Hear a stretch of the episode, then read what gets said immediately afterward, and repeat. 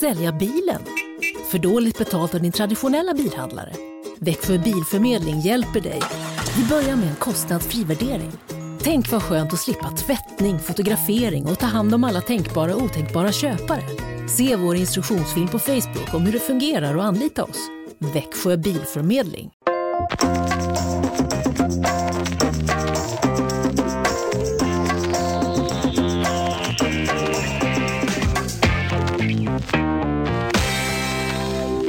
Välkomna till Eurotalk Weekend. Jag sitter här som vanligt med Samuel Leachholm och eh, jag undertecknad är Christian Borell och ni eh, som lyssnar ute heter väl förmodligen alla möjliga grejer eh, och säkerligen några Christian och Samuel där ute också.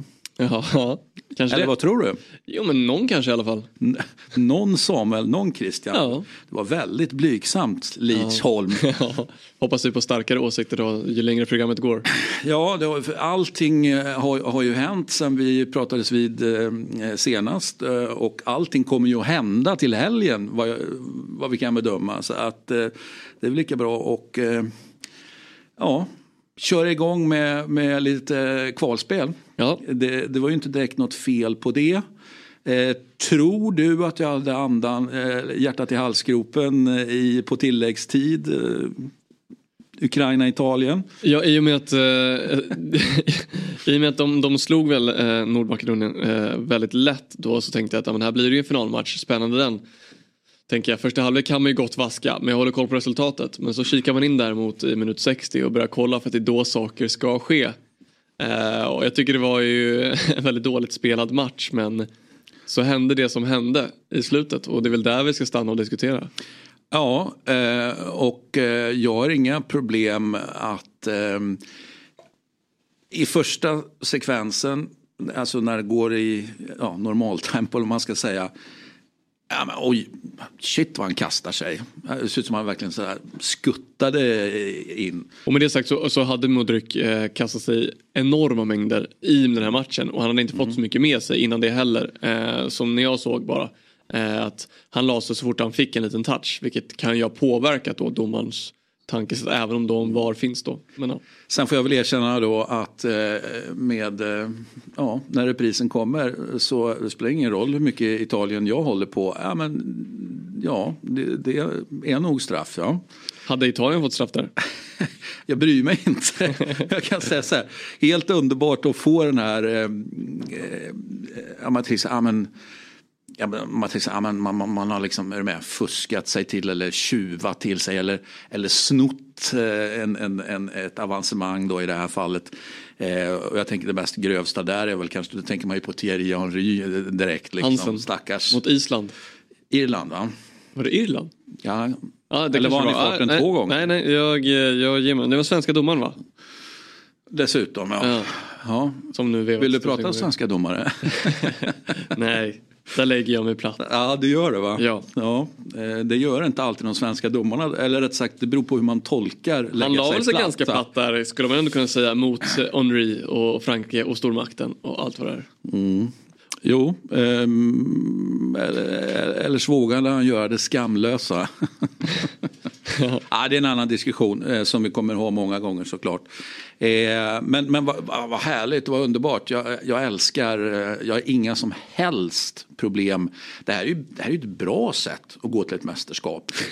alltså istället, istället för att, ja men tänk om du hade, ja men jaha, ja men, ja, men vi tar vi Ukraina med 4-0 eller 3-0 och övertygar i spelet. Då hade jag varit eh, liksom mer bekymrad. Nu känns det här känns bara bra. Eh, sen får vi se. Jag ska försöka gaffla in exakt hur bra det känns då. Men jag som sagt har inga som helst problem med att ha ja, undvikit den straffen. Ja, nej, och här tycker jag också att man ska ha eh, två tankar i huvudet samtidigt. I, först och främst, jag är inte hundra på om jag tycker att det är en 10 av 10 straff. jag men håller det- med dig. det är det ju inte. Nej, för jag håller med dig i att jag tycker att det ser väldigt lätt ut när han faller. Sen förstår jag ju också att eller när, när man ser reprisen många gånger, vilket ett varum då eh, naturligtvis gör. Att här finns det väldigt mycket anledning till att döma. Men jag förstår också att det kanske inte finns anledning till att döma i och med att han, han, han lägger ju sig väldigt, väldigt lätt i den här situationen. Hade jag gjort detsamma? Ja, absolut. Eh, men, men, och det är den ena tanken att det är nog inte en 100% straff men förmodligen eh, skulle de fler, flesta domarna ta det. Och det andra är ju då vi som kanske inte alltid förespråkar förespråkar VAR är ju det att det är det här man vill ha då. Nu finns det ju VAR som ska korrigera de här misstagen men de här misstagen vi vill diskutera i sådana här forum eller bli upprörda över nu om så många svenskar blir upprörda över det här eller inte mm. eh, på, på sociala medier och så vidare och så vidare. Det är det här diskussionsformatet och klimatet vi vill ha mm. i och med att de som inte är för VAR, det är ju det här du ska leva med att där valde domarna att inte blåsa. Då är det så det är helt mm. enkelt. Sen kan det ju, sen så, du som håller koll på italienska medier kan ju verkligen tänka mig att där har det diskuterats i all oändlighet. Ja. Och det är ju fine med det men jag tänker mer att är man, är man liksom emot VAR eller man förespråkar kanske inte VAR så som det används nu då är det, då är det så här det får vara och det tycker jag är ganska härligt ändå. Eh, eh som du konstaterade där också, eh, eller det kanske du inte gjorde, men du, du, du ställde dem mot varandra, liksom det som hände i realtid och sen eh, själva repriseringen. Eh, det är ju såklart VAR och VAR-rummet de eh, skickar ut sitt bästa argument för straff. Ja. Eh, och det, det, ska man också komma ihåg här att det finns ju, eh, nu kan inte jag exakt hur många andra kameravinklar som finns här. Men, men, men och de visar ju förmodligen på, eh, på någonting mindre än det som faktiskt, ja, men det han faktiskt i slutändan bedömer. Så, att, så det finns ju ett, ett VAR-spektra också. Ska man ju komma ihåg. För det, det är så lätt att få för sig att VAR bara, ja, men, ja, men det är bara en grej. Nej, men nej, det är ju inte alls det. Det är ju, det, det är ju, det är ju många kameror. Ja, och hur många kameror är också en grej. Vi vet att de i Norge kör ju på någon budgetvariant med 6-7 kameror på en arena och sen finns det de i Premier League som kör, jag vet inte exakt, men kanske ett 50-tal kameror då. Och då beror det ju på, liksom, spelar du på Wembley med VAR då kommer du få väldigt, väldigt, väldigt många väldigt, väldigt, väldigt bra bilder. Men spelar du då i, eh, jag vet inte hur många kameror Polen har i sitt VAR, men spelar du där med VAR då kanske du får 20 kameror och då får du så många bilder som du kan få på de här 20 kamerorna. Och därför när, när, när Sverige spelar EM-kval på, på Friends, där finns det ingen VAR alls. Då får de ju köra liksom tv-kameran och kanske någon säkerhetskamera liksom. Så det är väl, det, det är ju i just internationella sammanhang är det ju svårt när det inte är mästerskap utan att kvalet spelas på olika platser med just VAR för du får ju väldigt mycket olika hjälp av beroende på den arenan du spelar på. Liksom. Det kommer väl att sluta med, alltså, i takt med att eh, alltså, mobiler och annan apparatur bara blir bättre och bättre. Att, eh, du, du, och så kommer det inte vara förbjudet att ta med dem in. Eh, liksom, och, och, folk håller på och filmar. Ja, men det kommer ju bli en sån här automatiserad grej att ja, men nu är jag som är Lidsholm och tittar på fotbollsmatch här och jag trycker på knappen nu för att jag fick en sån jävla bra bild på situationen. Eh, Då ska vi långt i framtiden min, alltså. Ja men du vet det kommer vara pixlar till höger och vänster. Och... ja vi får väl se. Jag försökte blicka lite ja, typ, ja, ja, alltså, ja, jag undrar ju, det är så mycket pengar investerade i VAR såklart men jag undrar ju om man inte snart eh, bara inte pallar med kritiken längre och ta bort den. Alltså, oj oj oj, men så lät det inte för några veckor sedan. Nej, jo men jag säger det, det är så mycket pengar investerade så det är emot eh, liksom. Men det snackas ju liksom. Vet du vad jag kan se i, i framtiden? Som är ju den Berätta. totala mardrömmen. Ja, men det, nu är vi ju tillbaka på mobilen. Det är ju, och situationen presenteras på ja, jumbotronen eller vad det är. Och så röstas det. Det skulle, det skulle inte förvåna mig en sekund. Jo men det går inte i och med att om hemmalaget skulle ju alltid få fördel som de beslut då.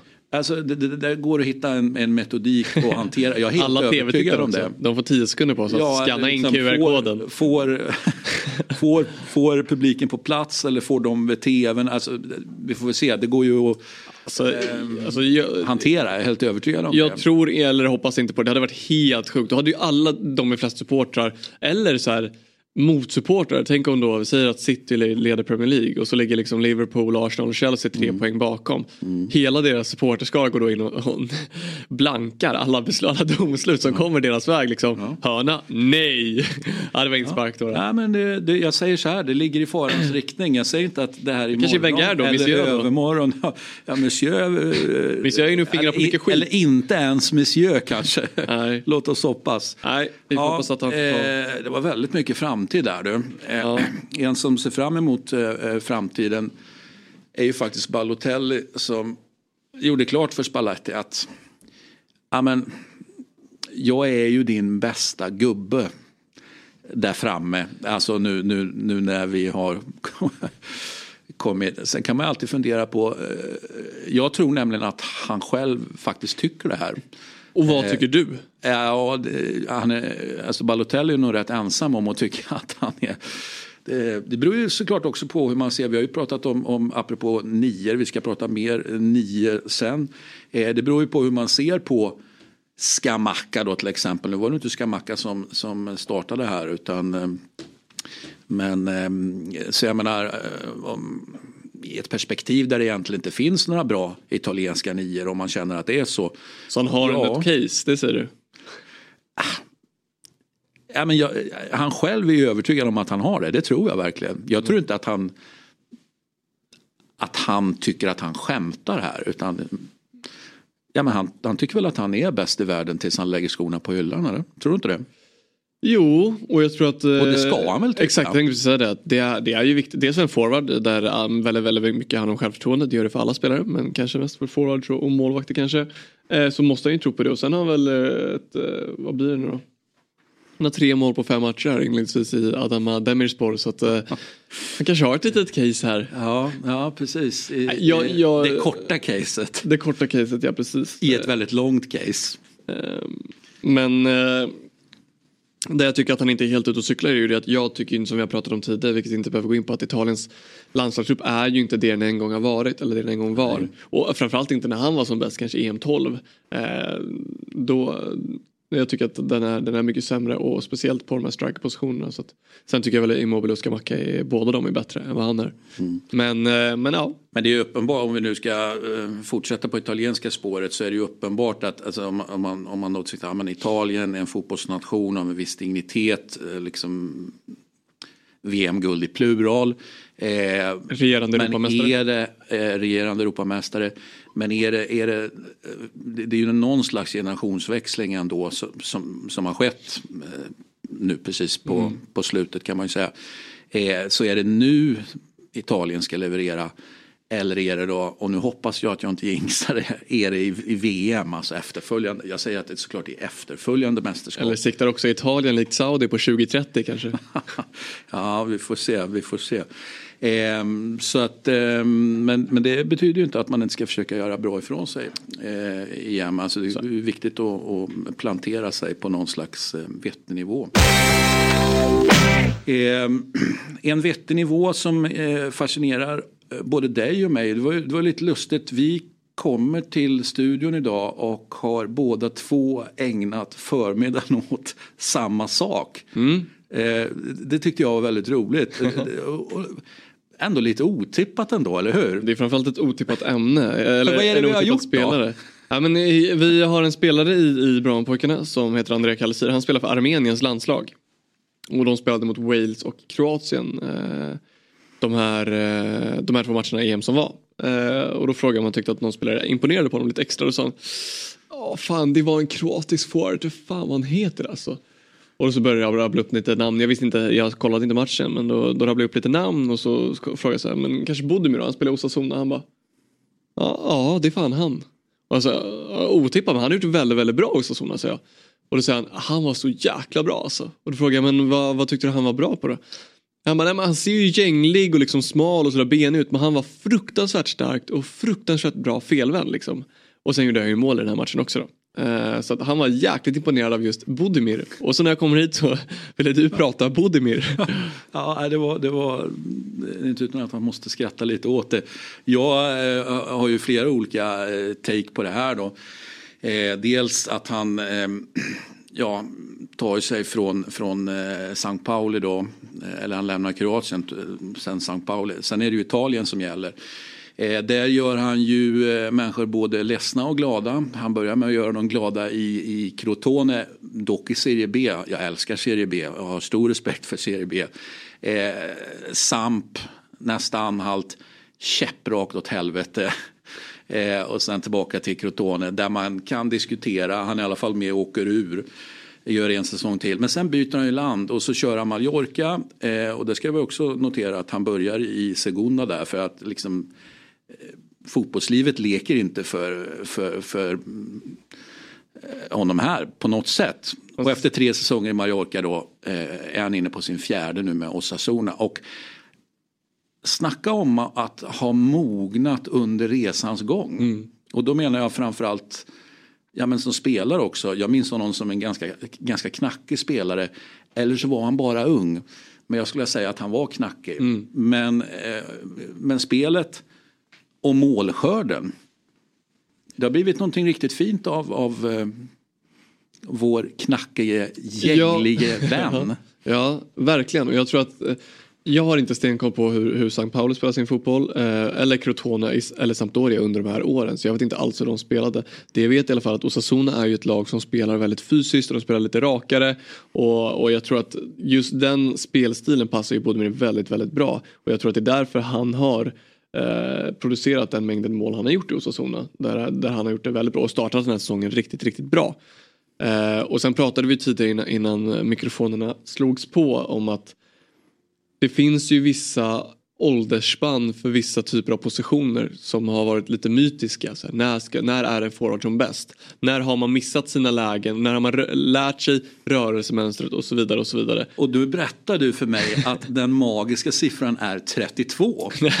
jag sa väl att det finns ett spann mellan 28 eh, till 32 kanske där en striker ska ha liksom ja, men lärt sig helt enkelt. Att man har missat de chanserna, man har gjort de här felen och att liksom det kanske tar ett tag. Och där ser vi inte minst på Giroud kanske som vi har hyllat. Mm. Eh, att han är ju 37 va? Och, och, kanske spelar sin... Han har ett alldeles eget spann. Han har ett alldeles eget spann men kanske spelar sin livsfotboll nu då. Men eh, jag är ruskigt imponerad av honom. Och han har ju haft en, en lekpartner, Jimmy Avila här i Osasuna också som är betydligt rivigare och temperamentfull och allt vad det har. Liksom. Så jag tror att Osasuna, typer av spelare de har, sättet de spelar på passar honom väldigt bra också.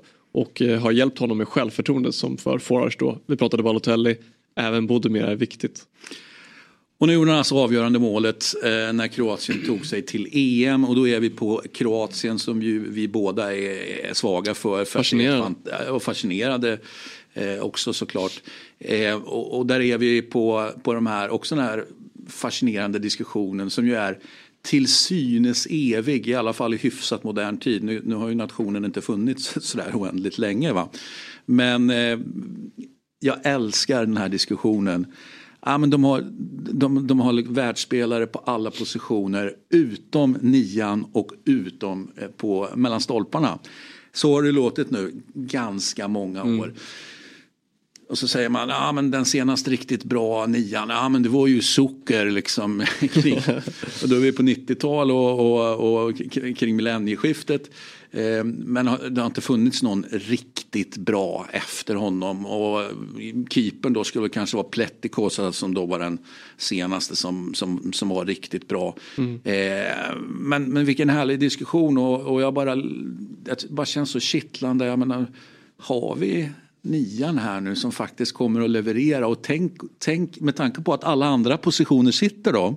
Så eh, wow, hur ska det här sluta? Det blir ju guld. ja, det känns svårt att, att, uh, vad säger man, att matcha de senaste resultaten i mästerskapen. De, de har gjort fantastiska resultat. Mm. Vad är det EM?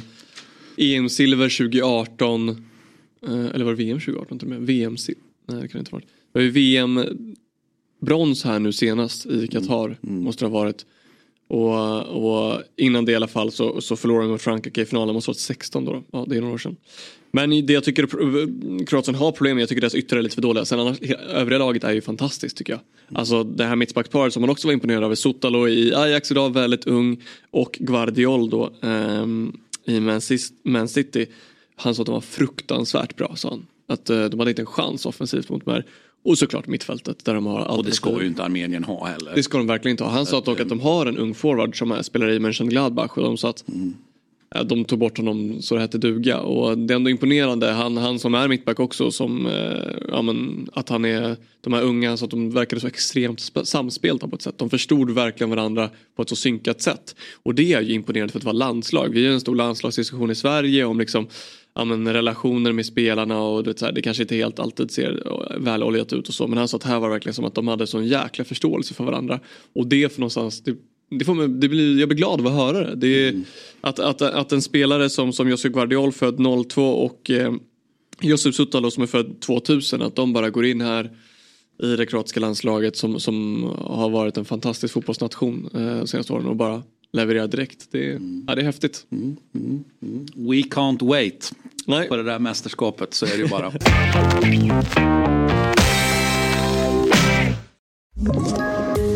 Poddtips från Podplay. I podden Något Kaiko garanterar östgötarna Brutti och jag, Davva, dig en stor dos skratt. Där följer jag pladask för köttätandet igen. Man är lite som en jävla vampyr. Man har fått lite blodsmak och då måste man ha mer. Udda spaningar, fängslande anekdoter och en och annan arg rant. Jag måste ha mitt kaffe på morgonen för annars är jag ingen trevlig människa. Då är du ingen trevlig människa, punkt. Något Kaiko, hör du på Podplay. Därför är gardinerna. Det är inte bara EM-kval utan det är också VM-kval. Eh, och där händer, händer det ju både det ena och det andra. När första kvalförlusten hemma någonsin för Brasilien. Eh, ja, det var stökigt. Eller det, det var bortanför stökigt. Ja, om man först ska börja i liksom läktarhändelser på, eller händelserna på läktaren så tycker jag att det är, ja det blir ju då utbyte ju vilda slagsmål här på läktaren men det märkligaste av allt är att Emiliano Martinez går upp och liksom, jag vet inte om det är polisen han försöker dra ner eller om det är liksom någon slags supporter. Vad ska han in där och fingra på? Tänker jag. Det hade ju kunnat Försvara sina egna supportrar, tror jag. Det, det, så är det, men, men vad hade han tänkt att han ska göra? Klättra upp över bänken in och börja veva? Ha, eller eh, hamna, gick kissen inte ända upp? Eh, jag, jag tänkte säga hamna i god dager, alltså bli, bli populär. Ja. Han stod upp för jag, jag, tror ingen kräver att han ska veva åt dem. Men, men eh, han, han, han, kom så nära veva man kunde då. Han känner lite populistpoäng här. Ja men det tror jag. Att han, att han går stärkt ur det här, absolut. Ja. Vad det, tror du? Ja, det tvivlar jag inte på. Eh, men fortfarande så tycker jag att det är jag vet inte. Jag tycker inte att han har där att göra. Jag, läktarslagsmål får, får, det får hända i den utsträckning det händer. Liksom. Det, om det händer så händer det. Jag tycker att spelarna här måste vara kyligare än att tänka då ett steg längre att jag ska tjäna populistiska poäng här eller om det är nu så han tänkte eller ännu värre då om han tänkte att jag ska upp och hjälpa mina lands, landsmän att veva lite. alltså, tänk om han lyckas, de har ett järnrör här som, som de får av någon. Tänk om han får järnrör på handen, spricka i handen. Då tror jag inte Villa blir asglad för att han skulle tjäna lite populistpoäng. Liksom. Utan, då är jag, man inte nöjd nej? Nej, jag tycker att man borde, man borde då, tänka då steg längre. det finns en klausul i det kontraktet som eh, gör att det inte finns så mycket lön under, under, under rehab. Då. Nej, och sen är vi ju... Skulle jag kunna tänka mig. Nej, men då, med all rätt i så fall tänker jag. Och sen är vi ju då på, på eh, Diniz. Denna mytomspunne tränare som med sin, sin relationism eh, i Fluminense vann Copa Libertadores. Ehm, men har väl, eh, och, och i, i ligan så har väl hackat lite, man ligger åtta. Eh, men eh, i landslaget har det gått käpprätt. Åt helvete. Måste man vara väldigt tydlig och säga. Brasilien som idag ligger på en eh, en sjätteplats i det, i det sydamerikanska VM-kvalet. Ehm, åtta poäng bakom Argentina med sex matcher spelade och de senaste resultaten är då förlust mot Argentina hemma, förlust mot Colombia borta, förlust mot Uruguay borta och kryss mot Venezuela hemma. Det vill säga i längden ohållbart eh, och förmodligen här och nu också ohållbart. Eh, inte för att jag tror att han kommer att få gå. Eh, den enda grejen jag tänker här, eller jag tänker två grejer för hur var det nu, man skulle hålla två tankar eh, i huvudet samtidigt. ju fler desto bättre. ju fler, vi försöka på tre någon gång kanske. Eh, nej men att det, det, är fortfarande så pass tidigt, även om det inte är liksom första, andra omgången, men det är fortfarande hyfsat tidigt i kvalspelet. Det här rättar till sig i positiv bemärkelse för Brasilien. Det andra jag tänker på är ju såklart Ancelotti. Eh, jag var ju helt övertygad. Och det tredje då Mourinho eller? Nej, just nu orkar jag inte med tre.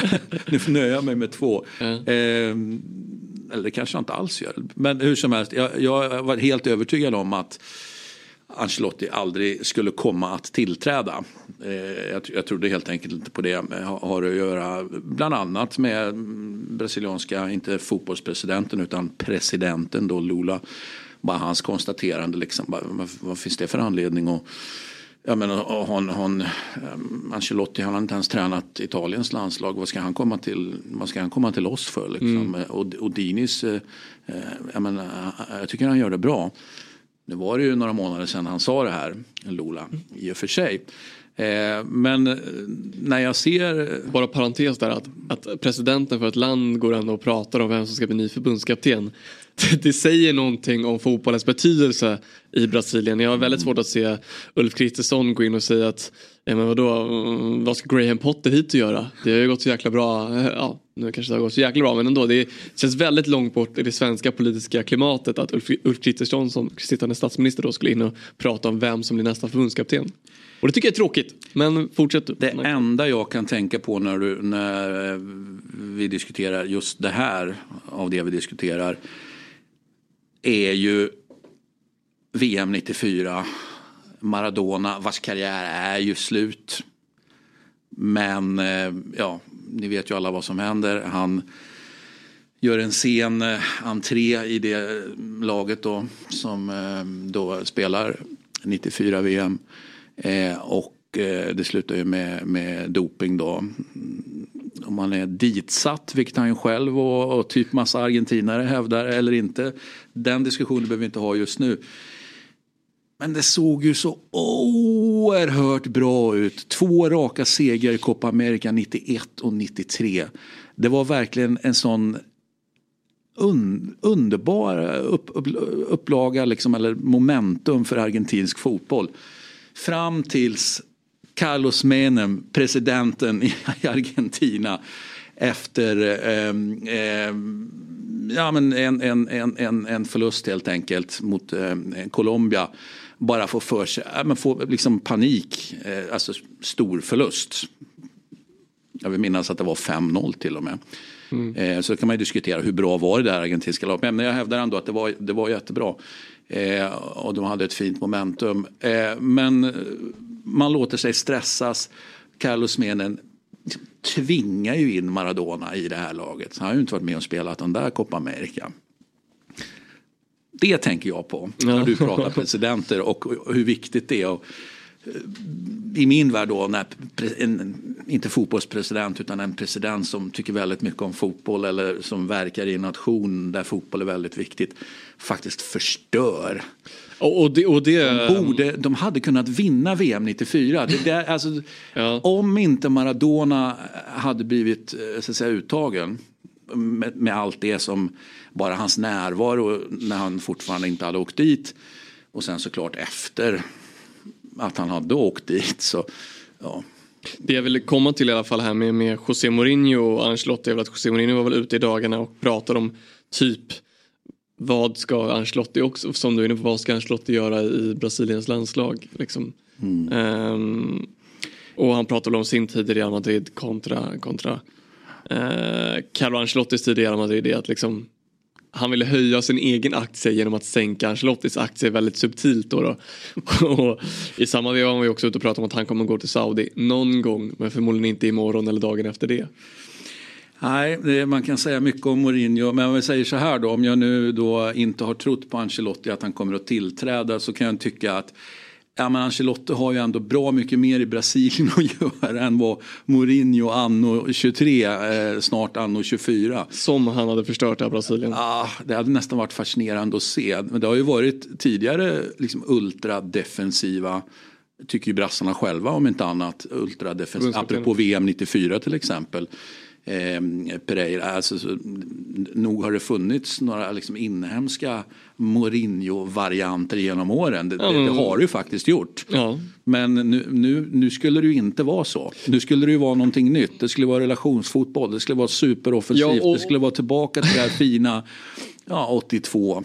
Och för att vara väldigt eh, tydligare med allt det här så, så Brasilien saknar ju väldigt många väldigt bra fotbollsspelare. Sen är jag ändå utöver det här kritik mot eh, laget, eller ja, de uttagna spelarna är väldigt mycket inhemskt och det här är ju för att Denise vill förmedla att den inhemska ligan är tillräckligt bra. Mm. Bevisligen är den inte det då. I och med att de konkurrerar I med... det korta perspektivet så är den bevisligen inte tillräckligt bra. Men jag, jag är inte beredd att och, och, och, kasta in handsken där än. Utan jag tycker att han ska fullfölja här nu. Hur var det vi sa förra veckan? Integralhjälm på va? Kör nu då. Eh, stå upp för dina inhemska gubbar och, eh, och eh, tuta och kör. Men så envis känns det ju Jag har ju verkligen inte jättebra koll på honom men så envis känns det som att han är. Han kommer säkert fortsätta på det här och låt oss vara väldigt tydliga. Brasilien kommer ju gå till VM. Så att där är jag inte orolig men det handlar ju om på vilket sätt man går till VM. Hur ser det ut när man väl kommer till VM? Och får han fortsätta vara då interimtränare i VM? Det är då kanske Ancelotti tillträder då. Mm. Eller ja, Mourinho. Eller Mourinho. Ja. eh, en som eh, tillträder eh, det är ju inte otippat ens längre att prata om att han eh, tillträder i varenda jäkla match. Nu är jag på Otamendi. Eh, vad ska man säga? Om Otamendi. Förutom att han under eh, hyfsat stora delar av sin karriär har känts totalt hopplös.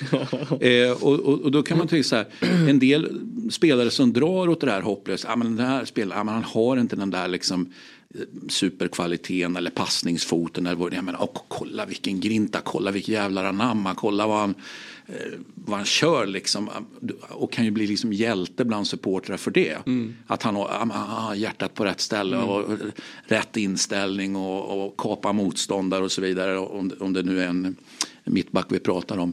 Eh, och så kan man bli hjälte på det sättet. Men min känsla är ju att ja, men, inte ens det har ju den tidigare Otamendi lyckats med. Han, var, han var liksom varit, jag ska inte säga klappkass, men, men hyfsat usel och inte liksom lyckats eh, få den här kan man säga, kultstatusen. Ja. Men vad gör han nu då? Snacka om, om, om det nu är andra, låt oss göra det enkelt för oss, den här andra halvan. Ja, för, eh. för, som du, jag tycker dock att han alltid har visat på att han har liksom hjärtat bultar för fotbollen då. Men med, med det så har ju hjärnan slutat fungera tidigare. Han har tagit huvudlösa beslut väldigt många gånger som har straffat laget för liksom hans då, ja men lite ibland, Romero tycker jag är väldigt mycket bättre, men lite ibland det Romero gör när han bara liksom tappar huvudet och hoppar in i dueller på konstiga sätt. Eller en ännu bättre jämförelse med Lisandro Martinez idag i United som också liksom bygger hela sin aura på att jäklar vad tuff jag ska vara, liksom, jag ska kompensera för att jag saknar andra saker, ska vara jävligt tuff men att då att alla de andra besluten då, det blir bara lidande. Men nu verkar ju Kahn ha mogat på liksom, mognat då när han är 35 år och, och, mm. och, och, spelar väldigt bra fotboll. Så vad är då spannet för mittbackar? 34 plus. för, de här ja, som, nej, men, för de där som har huvudet på fel plats. Då. Om du nu, om du nu tar, eh, okej. Okay. Och du menar att Bodemir hade inte huvudet på fel plats? Utan, Nej, men, men, Bodemir... men vad skulle du säga spannet för en mittback? Jag är bara nyfiken på, du har ett spelarperspektiv ja. jag inte har. Du hade ett väldigt tydligt 28 32 för, för en, eh, ja, för en nia då, för en anfallare. För det var väl en center vi pratade om? Ja. ja. Vad, en, mitt, vad, har, har du någon Nej, egentligen, egentligen inte. Jag har faktiskt ingen aning. Men om man ska räkna in i dagens fotboll behöver det vara så mycket mer fysisk. För att annars måste du kompensera med annat. Så du måste ha fysiken på topp som, som en mittback i och med att du kommer möta andra fysiska anfallare då. Eh, och yttrar och etc. etc. Så jag vet inte, vad skulle, vad skulle det vara? Nej, bara... 20, 27 till 30 eller 28 till 32 kanske igen. Ja, det, det är det gyllene spannet. Det funkar i alla lagdelar eller? Ja kanske, jag vet faktiskt inte. Det här, här handlar det också om att inte tappa för mycket fysik. Jag kan ju tycka att Otamendi, det han gör just nu, han spelar i en av Portugals största klubbar. Eh, han spelar ett väldigt bra landslag. Han kan ju kompensera mycket med att han kommer ha väldigt mycket boll också. Uh, I och med att han behöver inte vara lika omställningstålig kanske. Mm. Uh, men nej, det är klart att det är spännande det han har gjort. Låt oss bara hoppas då att eh, Scaloni är tålig för nu kommer det faktiskt ett eh, ganska oroväckande citat här från Scaloni som behöver tänka igenom eh, hur jag ska göra. Det här landslaget behöver förbundskapten som har all energi som krävs och som mår bra. Det låter ju inte alls bra. Nej, jag vet inte vad, eh, jag vet att många tog det här, det han sa på olika sätt. Jag läste någon som skrev om att det kanske snackas om en omförhandling av avtalet och, då, och medan vissa är liksom avdelning sluta på topp. Och mm. jag kan nog tycka att, att eh, är genuint i att, eh, i att han känner att jag har nått vägs ände här. Ja men då är det väl den första tränaren eller spelaren med, med total insikt här att mm. Men då är det ju fine. Ja. Alltså jag, är, jag är snarare rädd för att vi, att vi pratar en stress här och att han rent mentalt då inte skulle må bra. Eh, men det kanske är jag som är onödigt Nej och det är väl rädd. också, det är väl också fine då om man känner att han mår så dåligt att det finns en sån press på, på hans axlar att han inte klarar av det. Det är väl fine att han känner att då får jag ge över eh, mandatet till någon annan helt enkelt. Men, men, eh, och jag tolkar det väl kanske mer som att han känner att jag har nått vägs ände här. Jag, jag, det krävs väldigt mycket tid och väldigt mycket kunskap. Jag har inte det som krävs för att leda Argentina då till till ett nytt eh, VM-guld om det skulle vara kravbilden då. Utan... Det vill säga han, han är inte så bra egentligen utan han har Ja, men, eh, Nej, men han, eh, men, det, men, det snackas ha, väldigt mycket om hans, hans stab här också. I att mm. det, det, är väldigt lite taktiskt i liksom Argentinas utan det är väldigt mycket feelgood med Walter Samuel, det är väl Pablo Aymar som är med där också. Sa du relationsfotboll eller? Nej, utan jag sa väl mer att ja det blir väl det i längden i och för sig men det är ja, väl inte den här. Det låter som jo, det. men det är väl inte det den här eh, jag tycker också det, det är diffusa relations, relationismen. Alltså Denis gjorde ju så att spelare söker boll och inte boll söker spelare. Alltså kom så många du kan till, till att vara nära bollen. För dels i syfte att förlorar den så har du väldigt många nära kan vinna tillbaks bollen. Vet du vad det där kallades när jag var, när jag var liten och spelade fotboll? Skolgårdsfotboll kanske? Ja, det skulle, skulle man kunna säga. Men sen var det ändå lite, lite mer avancerat när man ändå kom i ja, i klubbsammanhang och i lagsammanhang. Då var det ändå det här anfall i klunga va? så, ja, men det, det, finns väldigt mycket fördelar med det men det finns också kanske lite nackdelar. Då. Men, men här handlar det ju mer om att det finns en tro på spelarnas individuella kreativitet. Ni kommer lösa det här. Så har jag förstått det med att man har byggt en stab och en, en familjär känsla att folk ska älska att vara i landslaget. Och det är väl det som har snackats om då med alla de här tonnen kött i Qatar som ska grillas på och allt vad det är. Liksom. Oh, oh. Ja. Men, och det är väl det, och det till och med där... jag längtar till Qatar när du säger det där. ja, Eller inte. Det är väl Assad och, då det pratas om. Men och är det så att han känner då att han har nått vägen? Han ser liksom de här gubbarna som bara för liksom ett år, eller vad var VM? 2022 var det? Qatar-VM? Var det ja det var ju i, ja, där, i december Snart, väl, om inte jag kommer ihåg helt fel. Ja, det känns ju som det var länge sedan så. Men mm. att de här killarna, att han, han ser på dem, han ser på sig själv. Vi alla blir äldre. Liksom. Det, det behövs generationsväxlas lite för de som vann det här. Eh, det fanns ju en äldre stomme här som jag kan förstå att Messi spelar idag i Miami, Di Maria spelar idag i Benfica trots att jag tycker att båda håller en väldigt hög nivå. Otamendi, Benfica och så vidare och så vidare. Så kanske jag bara känner att det krävs någon annan med ny energi och kanske några till nya spelare. Och jag är inte liksom mottaglig eller har tillräckligt med energi för att göra en generationsväxling mitt i det här. Då. Ja, nej, men det är intressant. Du, du har en, en eh, klart mera positiv tolkning av det här med mår bra än vad jag hade tydligen. Ja. Eh, men, men, jag älskar det. Eh, Eh, om, vi, om vi landar i den här typen av klokskap som du nu har beskrivit. Liksom, så, då är så, på topp, alltså. Den vi har pratat om de senaste programmen, vi har pratat om frånvaron av just den här klokskapen i ett svenskt landslagsperspektiv där man per definition aldrig slutar i tid. Eh, så vi får se då om Scaloni, men, men jag tycker också när eh, jag, jag blir inte riktigt klok på, alltså nu har han ju haft framgångar, det går inte att säga någonting annat, men, men liksom, hur, hur bra då kanske det är skillnad på att vara klubbtränare och landslagstränare i och för sig. Va? Men hur bra är tränaren Scaloni? Jag, jag, jag har inte riktigt bestämt mig där än. Men har... han är ju inskriven i historieböckerna. Absolut, och jag har verkligen inte så bra koll att jag kan värdera hur bra han är eller inte är. Utan, eh, men det man kan värdera är ju det han är. Hoppar han av nu då, då har han huvudet på skaft. Då har han verkligen gått ut med en bang en grej som jag tyckte var rolig, nu lämnar vi eh, EM eh, och VM och går till OS. Det trodde du inte. Nej. Men eh, det har ju faktiskt varit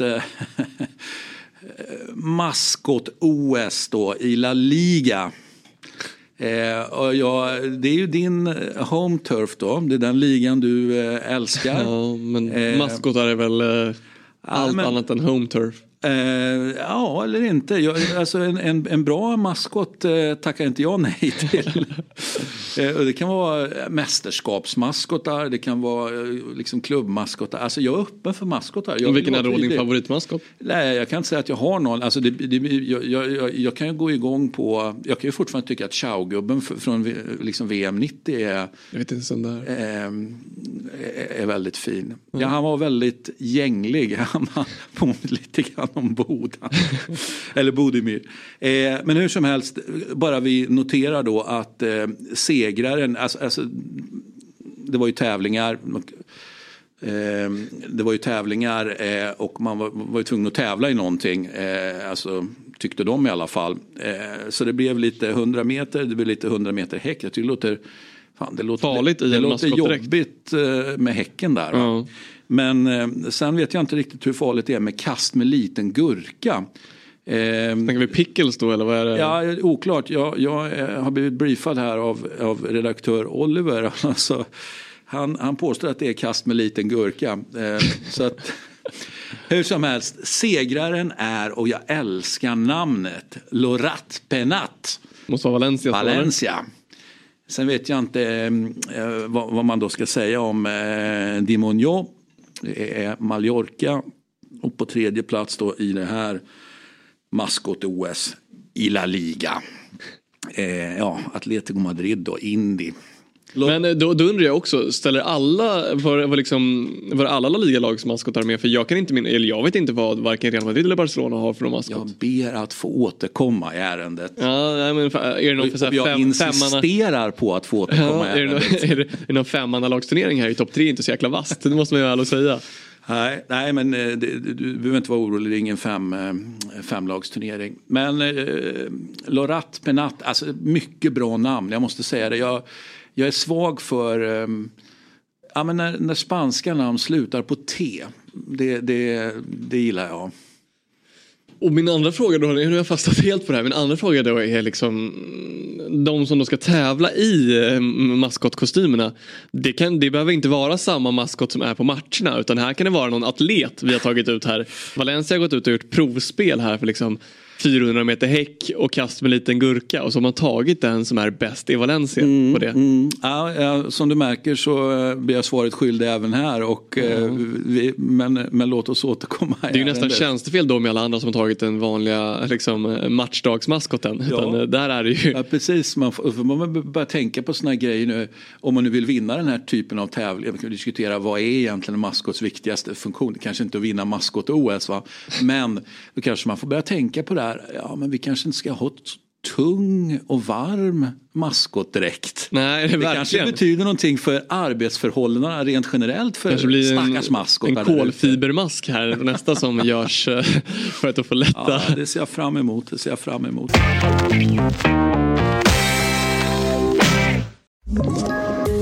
Poddtips från Podplay. I podden Något Kaiko garanterar östgötarna Brutti och jag, Davva, dig en stor dos skratt. Där följer jag pladask för köttätandet igen. Man är lite som en jävla vampyr. Man har fått lite blodsmak och då måste man ha mer. Udda spaningar, fängslande anekdoter och en och annan arg rant. Jag måste ha mitt kaffe på morgonen för annars är jag ingen trevlig människa. Då är du ingen trevlig människa, punkt. Något Kaiko, hör du på Podplay. Därför är gardinerna. Någonting man då, ehm, eh, ja många hade hoppats att man skulle kunna se fram emot det var ju att det har varit eh, diskussion här i Premier League och det är klubbarna och det här med att låna inom familjen. Vi är alltså på multiklubbsägande och, och flerklubbsägande. Kärt barn har ju många namn, sen är ju inte det här barnet så kärt för mig och väl inte för dig heller förmodar jag. Ja men här, här måste väl ändå eh, man dra någon slags gräns. Alltså jag kanske inte förstår vidden av det. Eh, jag är inte lika påläst i liksom Använder man det i ett syfte som liksom, du har ett lag i Australien, en akademi typ och så liksom har du något i Japan och så har du något i, i eh, Premier League och så har du något i Mexiko.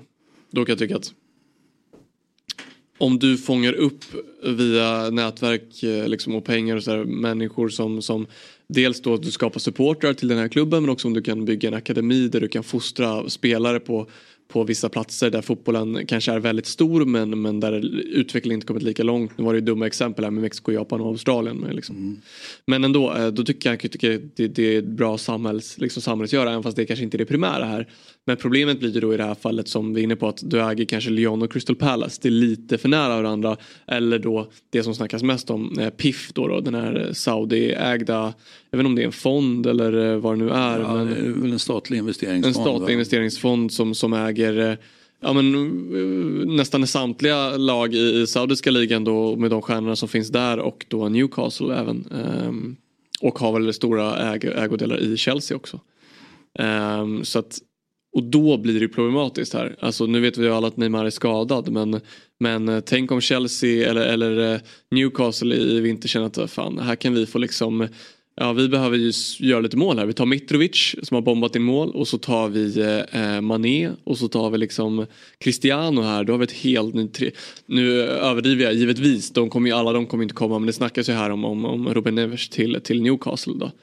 Och jag tycker att även det blir... Eh, här tycker jag att man måste, jag vet att, att eh, Premier League-klubben då röstade emot det här men här måste Fifa då som är det stora världsorganet här gå in och sätta ner foten. Jag förstår att man sitter i, i liksom i, i händerna på, på Saudi här med liksom nya investeringshuvudsponsorintäkter eh, eh och det blir VM 2034 och allt nu vad det är.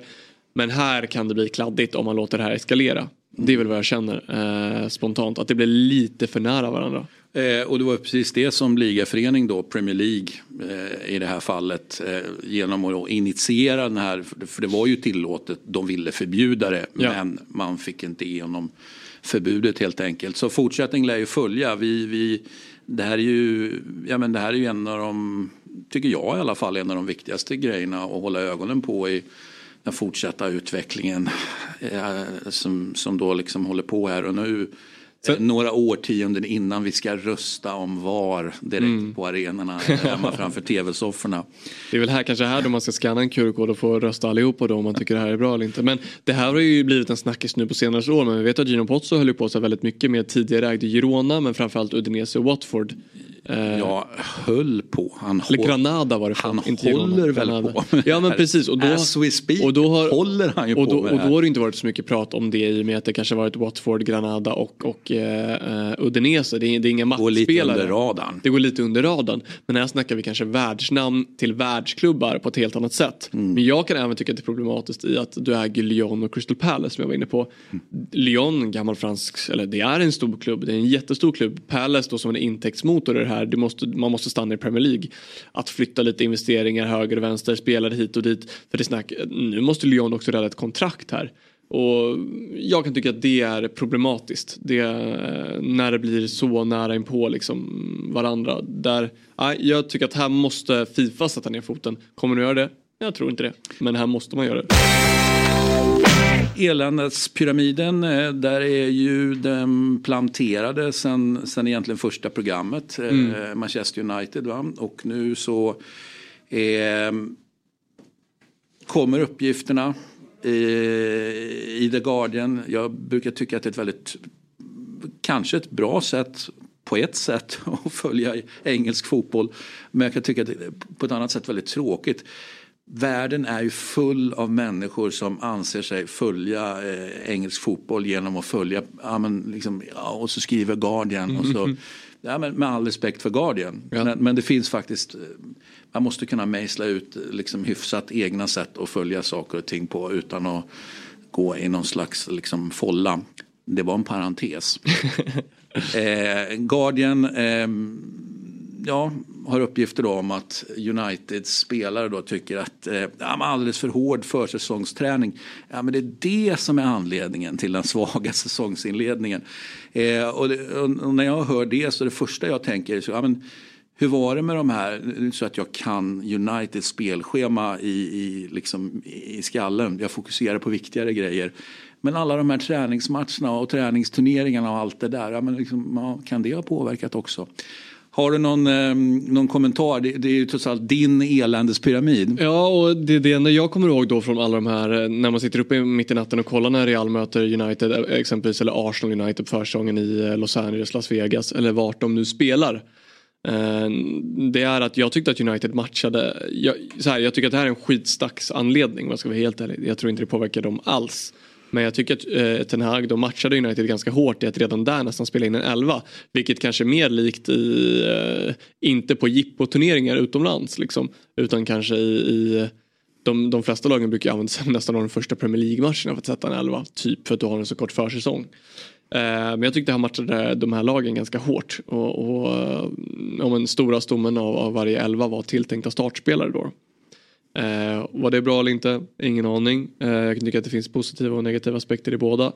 Eh, men jag tror att det här är en, om det nu är så att det läcker uppgifter om det här från en spelartrupp så tror jag att samma sak här, man fokuserar på allt annat än sig själv. Alltså, nu får man faktiskt gå till sig själv här. Vad är det jag kan göra? Vad är det vi kan göra? Vi måste ju faktiskt prestera bättre.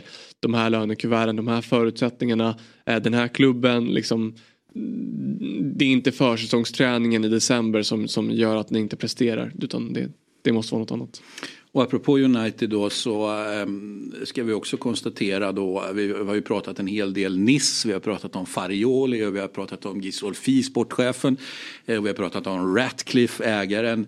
Eh, och sen så har vi inte pratat sådär jättemycket om att Ratcliffe liksom, ja men vad det verkar ändå är på väg in det, det har ju men saker och ting tar ju tid på den här nivån i de här enorma klubbarna. Alltså, att saker och ting ta, kan ta år, det, det är ju egentligen mm. ingenting konstigt.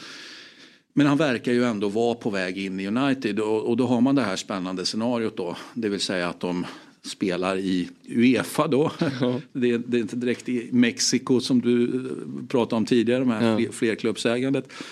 Eh, och då finns det ju en, en problematik där, där eh, Nice går ganska bra. Har en bättre placering as we speak i en högsta serie. Mm. Eh, om andra ord en, en, högre placering då än United. Du förstår vart jag vill komma. Oh. Eh, Men ja. i en mycket i en mycket mindre kassako.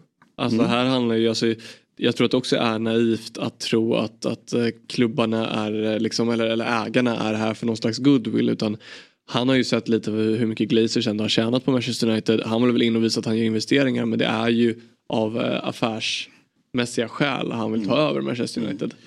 Men det kommer ju då eh, kräva att han hanterar situationen och att han kommer ju behöva göra sig av med en av klubbarna. Jag kan inte se det på något annat sätt. Ja, eller bli mindre ehm, aktiv i en av dem i alla fall. Ja, men, och det blir ju Nice då i så fall. Ja, och vi har ju ett jättebra exempel i eh, ja, men Redbird som ju kör Milan. Där ju det finns så att säga, kopplingar, eller, ja, det finns de ju fortfarande men det är på väg, man måste hitta en lösning på situationen eftersom Toulouse då dundrade upp i, i, i högsta serien och så vidare och kvalade ju eh, ja, men, eh, aktuella för Europaspel helt enkelt. Det är inte svårare än så. Så då måste man hantera situationen, mm.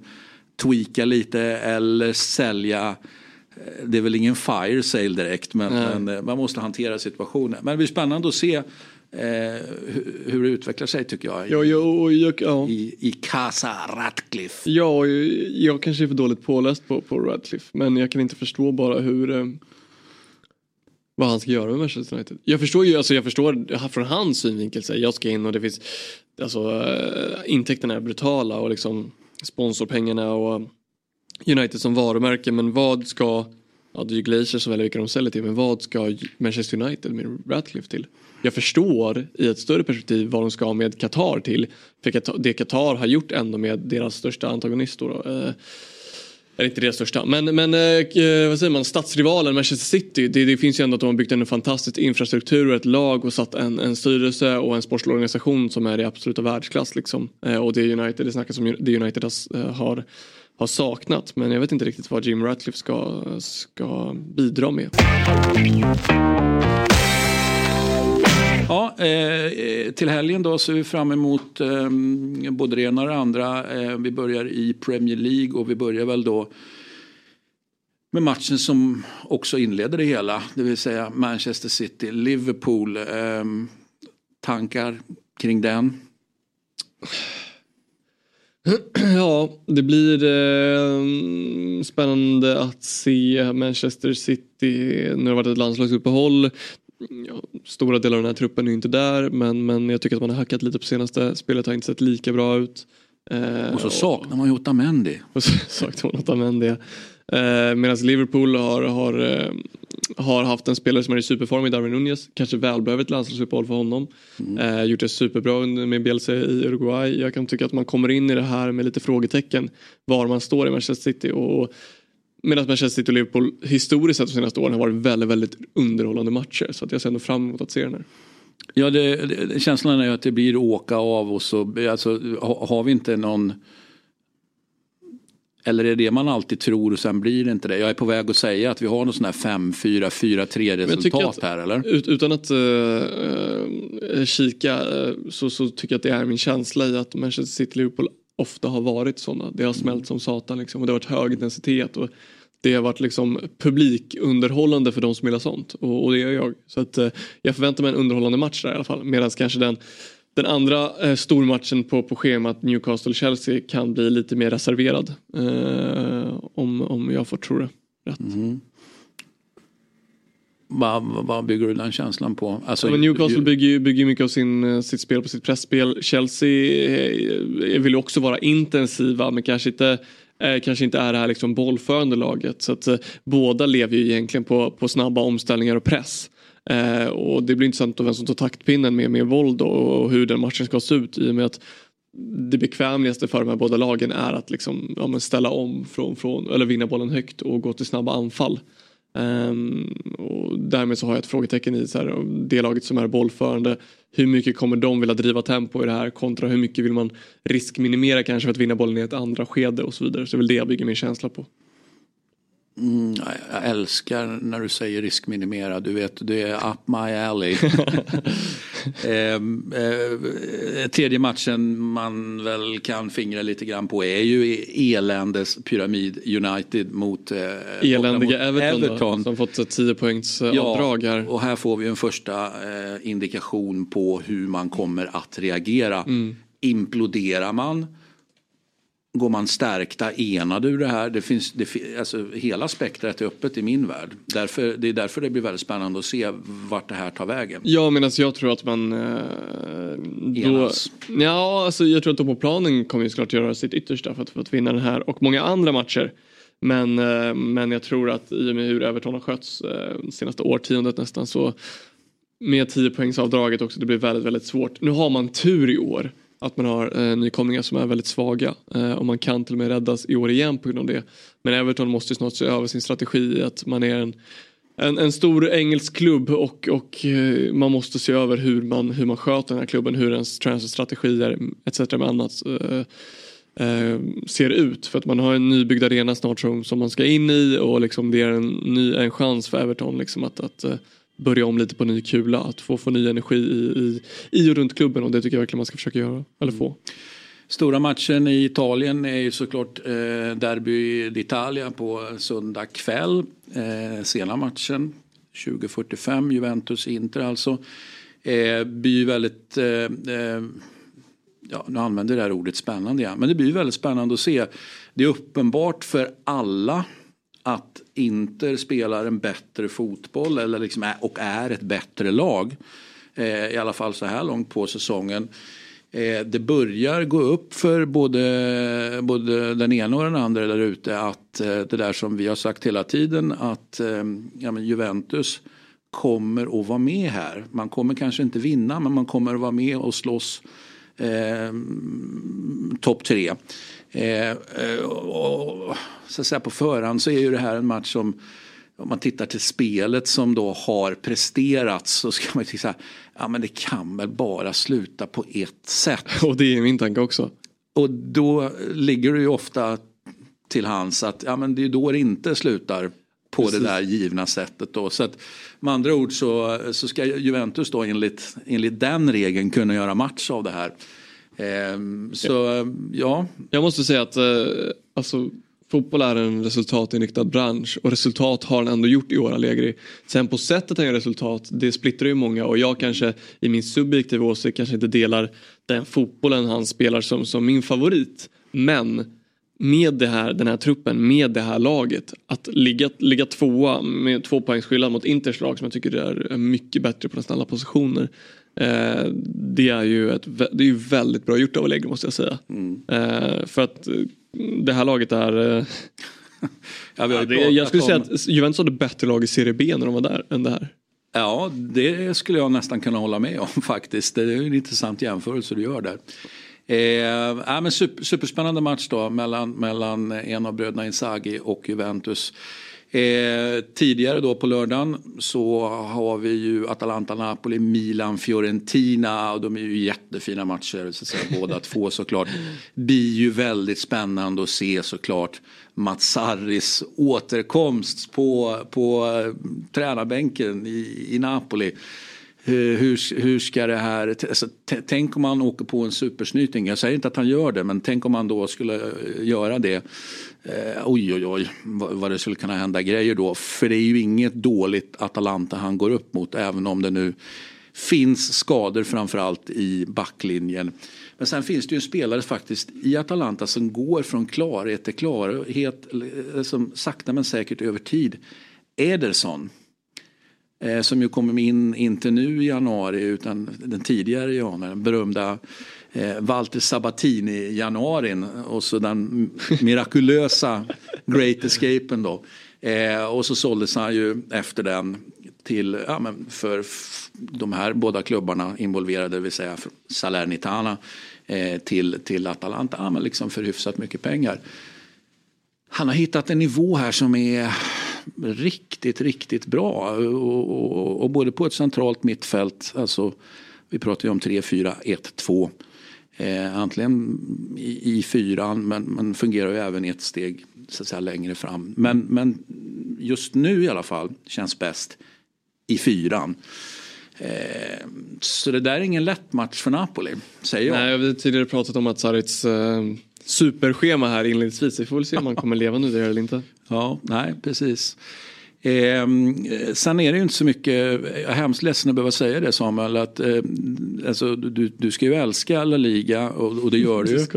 Eh, men det är svårt att det är svårälskat. Eller el, elakt av mig att säga, det är svårt att bryta ut någonting här. Det... För, för, för, alltså, jag, håller, jag hör själv hur jävla idiotiskt det låter. Eh, jag som är i Italien, jag, jag kan bryta ut precis varenda match liksom. Ja för alla är spännande. Men eh, ja, det bidde Girona eh, Bilbao. Girona Bilbao, precis. Bilbao som, har, som ligger på en femteplats och Girona då som ligger etta. Vi får väl se hur Girona då med en förlust mot Real Madrid den här säsongen och nu möter de Bilbao hemma. Vi får se hur, hur det fortsätter gå för Girona som som bara fortsätter vinna matcher. Det är jäkligt häftigt. Så det här är ju, och därför får man ju också eh, kvällsmatchen på, på, på, vad kan det bli, är det måndag där 27 eller? Ja, måndagen eh, som huvudmatch här. Det, det blir väldigt spännande. Resterande omgång är ganska slät. Det är väl ett, ett um, historiskt sett väldigt bra Sevilla som nu mer är inte alls lika bra mot, mot Real Sociedad som är den kanske stora namnmatchen. Men Annars så är det matcher som ska vinnas och då ska Real Madrid slå Cadiz och Atletico Madrid ska vinna över Mallorca och Barcelona ska slå Rayo Vallecano, ditt lag. Um, ja, jag tänkte säga den skulle jag kunna tänka mig att bryta ut och sen, sen med tanke på vad jag pratat om i programmet här, eh, alltså Ante Budimic eh, Osasuna, eh, ja den är också utbrytbar. Ni hör ju, allting är hur underbart och spännande som helst. Då, då har vi inte ens kommit till andra divisionerna. eh, nej men jag ser ett, ett eh, får vi säga haltande Barcelona, det får man väl ändå säga eller? Alltså framförallt får man, alltså Barcelona har gjort ganska bra resultat i ligan eh, och ganska bra resultat i Champions League. Det jag menar på när jag, när jag, när jag kritiserar Barcelona och det här gör jag inte som, som en Real Madrid-supporter utan jag ser det, försöker se det så nyktert som möjligt i att med den här truppen och med de här förutsättningarna Barcelona ändå har att man ska kunna vara mycket, mycket bättre. Jag tycker att de har, som vi har varit inne på, en av världens två bästa trupper eh, och man gör inte de resultat som krävs. Sen så finns det också olika schismer i laget i att Gündogan var ute och kritiserade eh, lagets eh, liksom om en inställning, mentalitet, humör efter förlusten mot El Clasico. Det var, liksom, det var inte sura miner utan det var vad det var helt enkelt. Och att han kom inte dit för att förlora sådana matcher. Det var ju här senast med Lamin Jamal och Lewandowski. Det tyder på att det finns lite liksom eh, Ja men det tyder på att det finns lite kanske stridig, interna stridigheter i Barcelona just nu. Och sen Xavi som går ut och gnäller på allt. Och jag kan tycka att klimatet i Barcelona kanske inte känns hundra även fast jag tycker att de deras spelartrupps är väldigt, väldigt bra så ska man verkligen kunna um, göra det mycket bättre än vad man gör. Med det sagt, det är ingen fara på taket. De har 30 poäng på 13 omgångar, 4 poäng från Girona, 2 från Real Madrid. De kommer gå vidare förmodligen i sin, sin Champions League-grupp. Men kontentan av allting vi pratar om här är ju att det är superläge för Super-Rayo, eller hur? eh, det tar jag till mig. Eh, inte ett dugg förvånad om man tvålar till eh, eh, Xavi och hans eh, vänner. Nej, vi hoppas väl från, från eh, då ett supporterperspektiv att eh, Dimitrievski gör li en lika bra match mot Barcelona som han gjorde på, på Bernabéu. ja, ska vi avsluta med att eh, konstatera att det finns någonting som heter allsvenskt kval. Det här är ju Eurotalk Weekend. Men det betyder inte att det är svensk fotbollsförbud för det. även om vi, vi ju egentligen inte pratar svensk fotboll. Nej. Eh, men du ska ju faktiskt eh, köra allsvensk kval. Eh, fan vad häftigt. Ja, verkligen. Eh, jag tror att det blir... Eh, Även om du såklart hade velat vara klar redan, jo, men, det fattar jag så, också. Men nu är men... vi där vi är och då får vi bara omfatta, eller omfamna situationen som den är. Jag tycker att det ska bli jävligt häftigt och utmanande. Jag tror det kommer bli två hårda och jämna matcher så att eh, vi får, nej vi ska vara påkopplade som fan. Det, det blir tufft. Och eh, det är inte jättemånga dagar emellan matcherna heller. Nej precis och jag trodde du skulle säga att det inte är jättemånga som kommer kolla på matcherna för det är väl nog inte heller. Eh, det är väl, Tror du inte? Ja, men det är väl Sveriges två publiksämsta lag kanske men de som kommer uppskattar vi jättemycket så att vi försöker väl då alla ni som hejar på BP eller sympatiserar med BP eller, eller Utsikten för den kom och kolla på matcherna. Det, det blir eh, kval är alltid kval. Kval är alltid kval. Fotboll är alltid fotboll. Eh, Eurotalk Weekend är alltid Eurotalk Weekend och Eurotalk Weekend tillbaka nästa vecka såklart. Eh, tack Samuel, tack, eh, tack ni som har lyssnat eh, och tack fotbollen.